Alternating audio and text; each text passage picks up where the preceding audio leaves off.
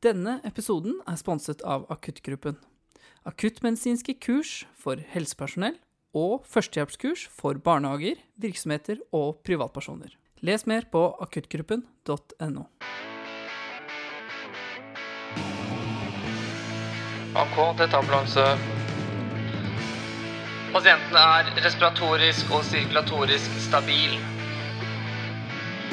Vi kommer inn med én pasient. Du puster for fort! Der, der er hovedinngangen. Da går jeg bort dit. Her har jeg egentlig hatt en drøm eh, i mange år om å få lov til å være her i to-tre uker og kanskje gå rundt, litt, litt rundt på avdelinger og I dag er jeg på Rikshospitalet. Her skjer det utrolig mye kult, altså. Og så er det vanvittig mye flinke folk her. De beste i landet, kan man nesten si. I dagens episode skal jeg snakke med overlege i kardiologi, Bjørn Benz. Vi skal snakke om noe vi blir kalt ut på veldig ofte. Det er nemlig akutt koronar syndrom.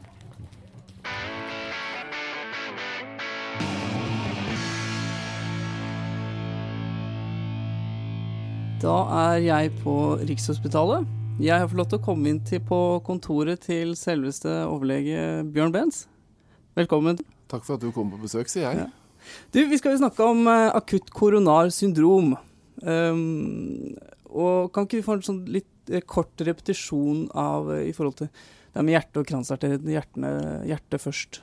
Ja, det er jo Akutt eh, koronarsyndrom handler jo om kransårene, og vi har tre stykker av de. Det er en på høyre side av hjertet, og så har vi en på forsiden, og så har vi en på baksiden av hjertet. Det er de tre stedene vi enten får angina eller hjerteinfarkt. Når man snakker om akutt koronarsyndrom, så handler det om tilstander der. Det kan være at eh, blodårene blir veldig trange, eh, og til å være at de er helt tett, og en mellomting av det. Sånn at det på en måte er en slags ventil som står og stenger for og, for og på sånn litt om hverandre. Og litt avhengig av hva som har skjedd her, da, så sier vi at hvis det blir pottetett, så får man ofte et STEMI, et ST-elevasjons-myokardielt infarkt. Eh, og Det kan man se på EKG, og det er blålys rett inn til et sykehus. Og man gir trombolyse hvis man er perifert. Eh, det andre typen er det som kalles non-STEMI. De har ikke ST-elevasjon. Eh, men de har infarkt, for de får faktisk forstyrrelse på hjertemarkørene sine, de også. De skal av og til med blålys, de også, hvis de er forferdelig påvirket. Men det skal vi kanskje snakke om senere. Og så har vi det som heter ustabil angina. og Det er egentlig da en tilstand som er veldig lik den non-stemi, men de presterer å ikke få troponinverdier som er høye. Og Det i seg selv er faktisk ganske godt gjort, for nå er de blitt så følsomme, de troponinene, at det er godt gjort å ikke ha litt forhøyning, selv om man løper hardt etter bussen. Ehm, litt fleipete sagt, men eh, det er litt alvor i det også. Mm. Så det er de tre, tre kaller du det? Ja, jeg kaller det nesten et trehodet troll. Ja. Trehodet troll, ja. ja, ja. Eh, men det er iallfall en eh, akutt koordinasjon består av tre ting. STEMI, non-STEMI og ustabil angina. Mm. Og forskjellen på det var det jeg sa. Mm. Og symptomene er ganske like? Ja, det er det. Men man, man, mener vel at på STEMI, da, hvor det er en potte tett åre De kan være potte tett på non-STEMI også. Mm. Eh, men, men, men, jo mer tett det er, jo mer dramatisk er sykehistorien. De har mer smerter. og i, i, mindre grad lar seg eh, behandle da, med vanlige smertestillende. De må behandles med åpning av årene på en eller annen måte. Da. Mm. Tegn og symptomer på akutt koronar syndrom? Ja, Det typiske er jo sentrale brystsmerter, at det sitter midt i brystet. De fleste tror at eh, hjertet er på venstre side, og det er jo litt der også, men det, det ligger faktisk gjemt bak eh, brystbenet. Men med litt overvekt mot venstre. Så de fleste har vondt midt i brystet har litt sånn klemmende karakter. De kan si at det er trangt. Det føles som trangt, sånn klem i brystet. Angina betyr jo faktisk trangt. Eh, og, så kan smertene stråle ut både til halsen, kjeve, armene, mest venstre, bak ryggen og ned i magen. Så, så nesten alle, alle, himmelretninger, men det typiske er vondt midt i brystet. Mm.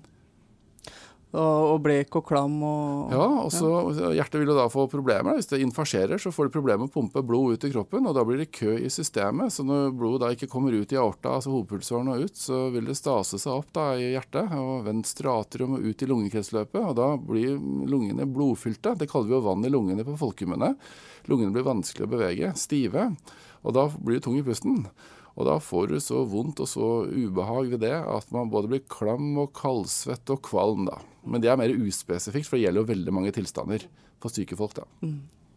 Så er det disse koronararterene. De, de eh, forsyner jo hjertemusklene, ikke sant. Myokard. Ja, Ehm, er det sånn at hvis det, blir, hvis det blir tett der da, så sliter eh, hjertemuskelen med å, å trekke seg sammen? Er det derfor gjør man det på en måte Ja, for at det, når eh, man tetter nærmest bensinslangen, og Mm. da, da vil den delen av hjertet som får blod fra nettopp den kransåren, få store problemer. Mm. Det er alltid en viss overlapping av disse blodårene, eh, så man kan reparere, seg selv til en viss grad. Men har du et område, et stort område som blir pottetett på blodforsyningen, så får du trøbbel, altså. Mhm.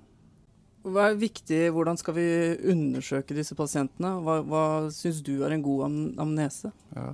Jeg tror dere som jobber ute i prehospitale tjenester allerede har fått en liten forvarsel om at dere kommer til en som har vondt i brystet. Det er ganske vanlig. Og så er jo de som sitter på, på sentralen, de har gitt dere et hint om kjørekode òg. For at, eh, om det virker som det er diffust, eller om det faktisk er ganske dramatisk.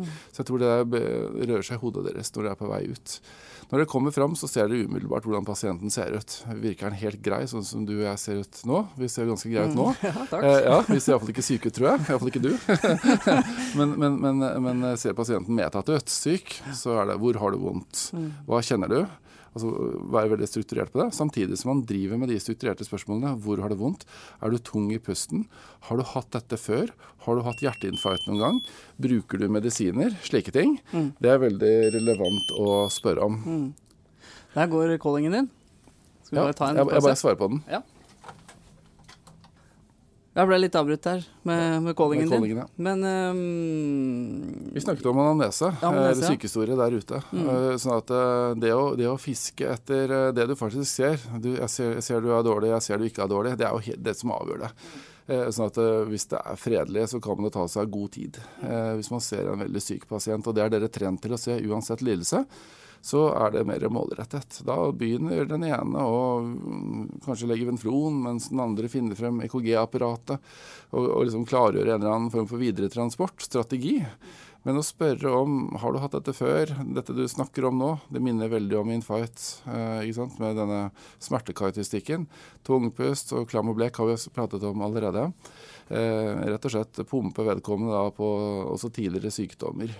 Det skal være kort. og Jeg mener at dette kan gjøres på fire-fem minutter, samtidig som man både legger venflon og, og, og, og gjør klar til en EKG-tagning. mm, Det er mitt forslag. på, på, på en dårlig pasient, og Ja. samtidig holde roen og, Ja, og Hele tiden signalisere roen. og jeg må innrømme at jeg pleier ofte å si til folk at dette kommer til å gå bra, selv om jeg ikke alltid tror det. For at jeg vet at det å vise den roen, Ja. det er veldig bra for pasienten, også for de rundt deg. Ja. For mange av disse pasientene er jo veldig redde. Ja, Mm. De er kjemperedde, og det vi jo vet, da, er at uh, det er en veldig alvorlig diagnose, eh, hjerteinfarkt. Men hvis man først kommer i kontakt med helsevesenet, og dere er jo de fremskutte der, da, så er prognosen god. Det pleier jeg alltid å si. For når de spør meg direkte når de kommer til oss, da, så sier jeg at det er en alvorlig tilstand, men heldigvis så har du blitt hentet inn allerede, og da pleier det oftest å gå bra. Hva med disse med ah, sånne atypiske symptomer, da? Ja, Det er vanskelig. Det er jo kjempevrient, og det er ikke noe fasit på det. Eh, faktisk. Og hva er atypisk? Eh, det finnes faktisk egne tabeller for det. Og man kan se på hvor gamle folk er, og hvilket kjønn de har, og slike ting. Eh, og, min erfaring er at eh, her blir det skjønnsmessig. Eh, det er klart at har de vondt på helt rare steder, så, så begynner man å vike fra om det kan være hjerteinfarkt. Men er dere i tvil, så syns jeg aldri man skal etterlate en slik pasient. Det er sånn jeg tenker. La tvilen komme stakkaren til gode. Og det er jo nettopp derfor vi har observasjonsposter både på de store sentrale legevaktene og på alle gode sykehus. Eh, Så, så, så kan man legge inn folk til observasjon. Og det er vist da, gjennom mange lange studier at det å observere folk over noen timer versus det å bare gjøre stikkprøver, selv med tester, eh, er eh, akkurat det siste er mindre verdifullt. Det lønner seg å legge inn folk til observasjon. Har man god tid selv, det har dere ikke, eh, så kan man selvfølgelig observere selv, men, men jeg ville ikke latt noen være igjen hvis de først har meldt en liten alarm. For det kan jo være noe annet også som burde håndteres. Mm. Det er mange som har eh, lang transportvei til sykehus også. Det er ikke Ja. mange som, alle som bor midt i, midt i Oslo sentrum Nei. og har Rikshospitalet ti minutter unna. Nei, det er, eh, sånn sett er det veldig urettferdig, men så har man jo ganske godt utbygde sentrallegevakter rundt omkring etter hvert også. Vi har sykestuer og det ene og det andre, så selv om det er sentralisering på visse steder, så er det også faktisk ganske gode observasjonsmuligheter andre steder. Så har vi jo etter hvert fått en ganske god prehospital tjeneste da, med flere ulike opsjoner. Men en viss ventetid må jo en sånn person påregne, hvis det ikke er dramatikk. Um, når jeg var ambulanselærling, så ble jeg opplært i at uh, damer de kan ha veldig atypiske uh, symptomer spesielt. Ja. Da kanskje magesmerter og andre, typer smerter. Eller trenger ikke å ha noe ubehag eller vondt i foten, eller kanskje ikke vondt i foten, men hva er grunnen til det? At uh, damer og, og diabetikere bl.a. Ikke, ikke kan få disse smertene? Eller? Ja, litt det samme tema. Altså, mm. Dette er vanskelig. Når du snakker om ting som ikke er typisk, hvor vi må begynne å tenke, ja. det er da det blir vrient. Jeg syns det er greit så lenge det er greit, men når mm. vi begynner å tenke, da må vi liksom stoppe opp. Hva er dette? Min huskeregel er at gutta får det ca. når de er 50 år. Damene når de er 60. Eh, da har guttene begynt å dø av det. Så, sånn sett så har det vært en del fokus på at vi kanskje overser damer. Men husk at guttene allerede har dødd av dette her. Uh, ubehandlet, da. Det skal jo sies. Sånn at ja, uh, bøkene vi leser, de er skrevet av menn, ofte om menn. Så at vi får ikke alltid helt fram det typiske presset i klemmet. Damer snakker om brenning og sviing og sånne ting. Men nå skal det sies, jeg har gått gjennom veldig mange angiografier, da, som det heter her i Oslo. Ullevål Rikshospitalet har samarbeidet med de på feiring. og Til sammen er vi innmari store. Ekstremt store. Flere tusen i året. Og det er veldig mange normale prøver på de damene vi tar imot. Så da har jeg tenkt som så at vi som iallfall står på endestasjonen, vi har hatt et åpent sinn og tatt imot disse og latt tvilen komme dem til gode. Vi har faktisk undersøkt dem. Eh, så de fleste av de har faktisk fine blodårer. Men hvis de er uheldige og har sykdommen, så har de en ganske aggressiv sykdom, disse damene. Det skyldes ofte at de har veldig små blodårer, og små blodårer er vanskeligere å behandle enn store. Altså Da snakker jeg om diameteren på de. Da. Så at, eh, Jeg tror vi skal ta damene på alvor, det er vi jo nødt til, selvfølgelig. Men, men eh, det er vanskelig når de presenterer eller bagatelliserer eller snakker på en måte vi ikke er vant til. da. Mm. Det er faktisk vanskelig. Mm. Mm, absolutt. Du, Vi skal litt mer inn på konkrete ting. Mm. Um, akutt koronasyndrom snakka du så vidt uh, om i stad. Ja. Det deles inn i, i tre grupper. Mm. Uh, ustabil angina, non-stemi og stemi. Ja. Ustabil angina pectoris, hva er det for noe? Ja, definisjonen på det er jo at uh, du ikke har infarkt først og fremst. Men du har vel først og fremst vondt da uten å få infarktforandringer, men, uh, altså på blodprøvene. Men du kan få det i EKG. EKG kan endre seg. Det kan være ST-depresjoner og T-inversjoner, slike ting. Det kan være, men blodprøven troponin er normal. Eh, hva er definisjonen på det? Jo, først og fremst at de har vondt selv når de er i ro. Men hvis du er en person med stabil angina, altså som tar litt nitro før du går opp en bakke og sånn, og plutselig finner ut at du må ta en nitro uansett hva du gjør, så har du på en måte blitt verre. Eh, altså, du har endret det vi kaller funksjonsklasse. Det i seg selv regnes også for å være en ustabil situasjon, for du har gått fra en ganske stabil ja, Du trenger det før du går opp alle trappene til Kolsotoppen, men plutselig så trenger du før du går bare opp en bitte liten etasje. Da er det sånn at du har fortjent en liten vurdering. Mm. Det er også ustabilt i seg selv. Mm. Uh, og da blir de henvist videre til deg, eller? Ja, de, ofte så går dette her gjennom fastlege. Mm. og også, uh, helt avhengig av hvor man uh, jobber, men man må innom hjemstedssykehusets poliklinikk eller privatpraktiserende kardiologer eller indremedisinere, som i sin tur henviser dem til et eller annet PCI-senter. Det er det vanlige. Mm. Og så videre, da, så kommer vi det her til med non-stemi. Ja.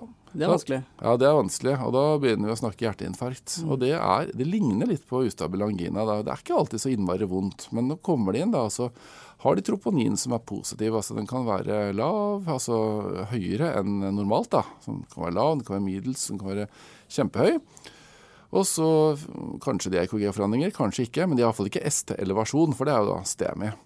Eh, og de her er vriene. Da er det klinikken som bestemmer. Eh, da har man bestemt seg både i USA og Europa for at disse skal til angiografi innen 24 til 72 timer. Og jo sykere de er, så skal de inn innen 24 timer. Eh, og da er det styrt på klinikken. Hvis de er hyperdårlige, altså steindårlige, til tross for behandlingen dere gir ute, eller man gir i sykehus, så skal de inn innen to timer. Liksom, da hører du at det lukter STEMI-håndtering. Da skal de inn innen to timer eh, for å, å, kartlegge det på et PCI-senter. Mm. Eh, disse pasientene her, betyr det at de eh, har delvis okklusjon eller total okklusjon, eller det, kan det være mellomting med dette her? Altså, med store materialer er det bare halvparten av de som får en PCI, faktisk. Altså, sånn at, uh, men halvparten, den resterende halvparten kan jo ha så syke årer som man ikke tør å ta i de, eller et eller annet. Det kan være normalt også. Mm. I noen materialer har 25-30% av de tette kar, altså okklusjoner. Men i andre materialer er det mindre. Så dette er veldig avhengig av hvilken befolkningsgruppe du ser på. Men jeg skal love deg at disse her er syke. Dette her er jo blitt en ekstrem virksomhet som har kommet opp veldig mye pga. troponin. Og dere har masse transporter med de. Uh, og det er ikke den dramatikken som stemmer. Men vi kan snakkes om et år, så kan vi se hvem av dem som lever. Og det man da ser, er at uh, i akuttfasen så dør jo hjertestanser og stemer. Det vet vi. Det vet vi alle. Men non-STEMene er nesten kjedelige på den måten at det er ikke mye action over dem. Men de har en forferdelig dårlig langtidsoverlevelse. Så det, det, er mye bedre å få et STEMI som behandles akutt, enn å få et non-stemme, for deres prognose er verre. De har ofte en mye eh, sykere koronarsituasjon. Det er ikke én åre som er syk, det kan være mange. Ofte er de eldre, og det kan være en del andre ting. Sånn at, eh, man ser eh, liksom, med fugleperspektiv eh, på situasjonen, så er non-stemmene en veldig syk gruppe som må håndteres fornuftig. Mm. Uh, mange ganger så ser vi jo at disse pasientene blir uh, lagt inn på lokalsykehus ja. og blir frakta til, uh, til PCI-senter eller til et sykehus der de tilbyr PCI dagen etterpå. Riktig. Um, med da troponinstigning og sånn, altså, går det noe utover hjertet sånn sett? Det Vi prøver, vi har masse møter om dette i regionen. Alle sykehus har sine regionsmøter, da, uansett hvor i Norge man er. Og Da sier jo vi at uh, vi tar dem gjerne dagen etterpå eller dagen etter der igjen, litt avhengig av klinikken. Det vi ønsker at lokalsykehuset skal gjøre, er å gjøre en klinisk vurdering.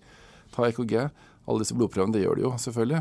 Ultralyd av hjertet, det vi kaller ekko. Det er innmari mm. viktig mm. for å se på om hjertet beveger seg. Hvis hjertet går som en kule, som jeg pleier å si, så betyr det at det er innmari bra. Hvis det beveger seg dårlig, så skjønner vi at her er det infarkt. Og da bør kanskje man oppjustere hastigheten av behandlingen. Alvorligheten, ikke sant. Så det er eh, kanskje den største utfordringen, å, å skrine dem der ute. Mm. Ordentlig, da. Um, er det noe mer du vil tilføye i forhold til non-STEMI sånn sett? Eller skal vi gå videre på selve STEMI? Et uh, vanlig spørsmål om non-STEMI fra prehospitale tjenester er kan vi kjøre dem rett til Ullevål eller Rikshospitalet. For ja. eksempel, da, siden vi jobber her i byen, så kan jeg nevne de to sykehusene. Og da pleier jeg å si det at uh, hvis dere er, er, hos en dramatisk syk pasient, og dere ikke skjønner bæret, men dere skjønner at vedkommende er dramatisk syk, og dere tenker her er det akutt koronarsyndrom eller aortadisseksjon eller et eller annet, så må de ringe og komme direkte. Men det er ikke dermed sagt at alle med brystsmerter skal inn til de stedene, for det har vi ikke faktisk staffet for. Eh, vi har ikke de sengene. Vi er jo laget for å hjelpe de andre sykehusene, i hvert fall spesielt Rikshospitalet. Så det er, vel, det er et vårt handikap, da. Og det er en styrke at vi kan konsentrere oss om å hjelpe andre sykehus. Så at, eh, jo mer dramatisk det er, eh, jo mer syns jeg dere skal kjøre dem inn sentralt. Og det er det som egentlig står i guidelines, da, de der totimersreglene jeg nevnte. Eh, men, men, de fleste har ikke sånn dramatikk over det, så de kan med, med letthet da gå til sitt hjemstedssykehus og få den vurderingen jeg sa da, med, med klinisk undersøkelse, ekko. Mm. STEMI, ja. det er vel det vi ser når vi er ute, ja. ofte. Disse ja. syke hjertepasientene med, med EKG-forandringer. Ja. Mm.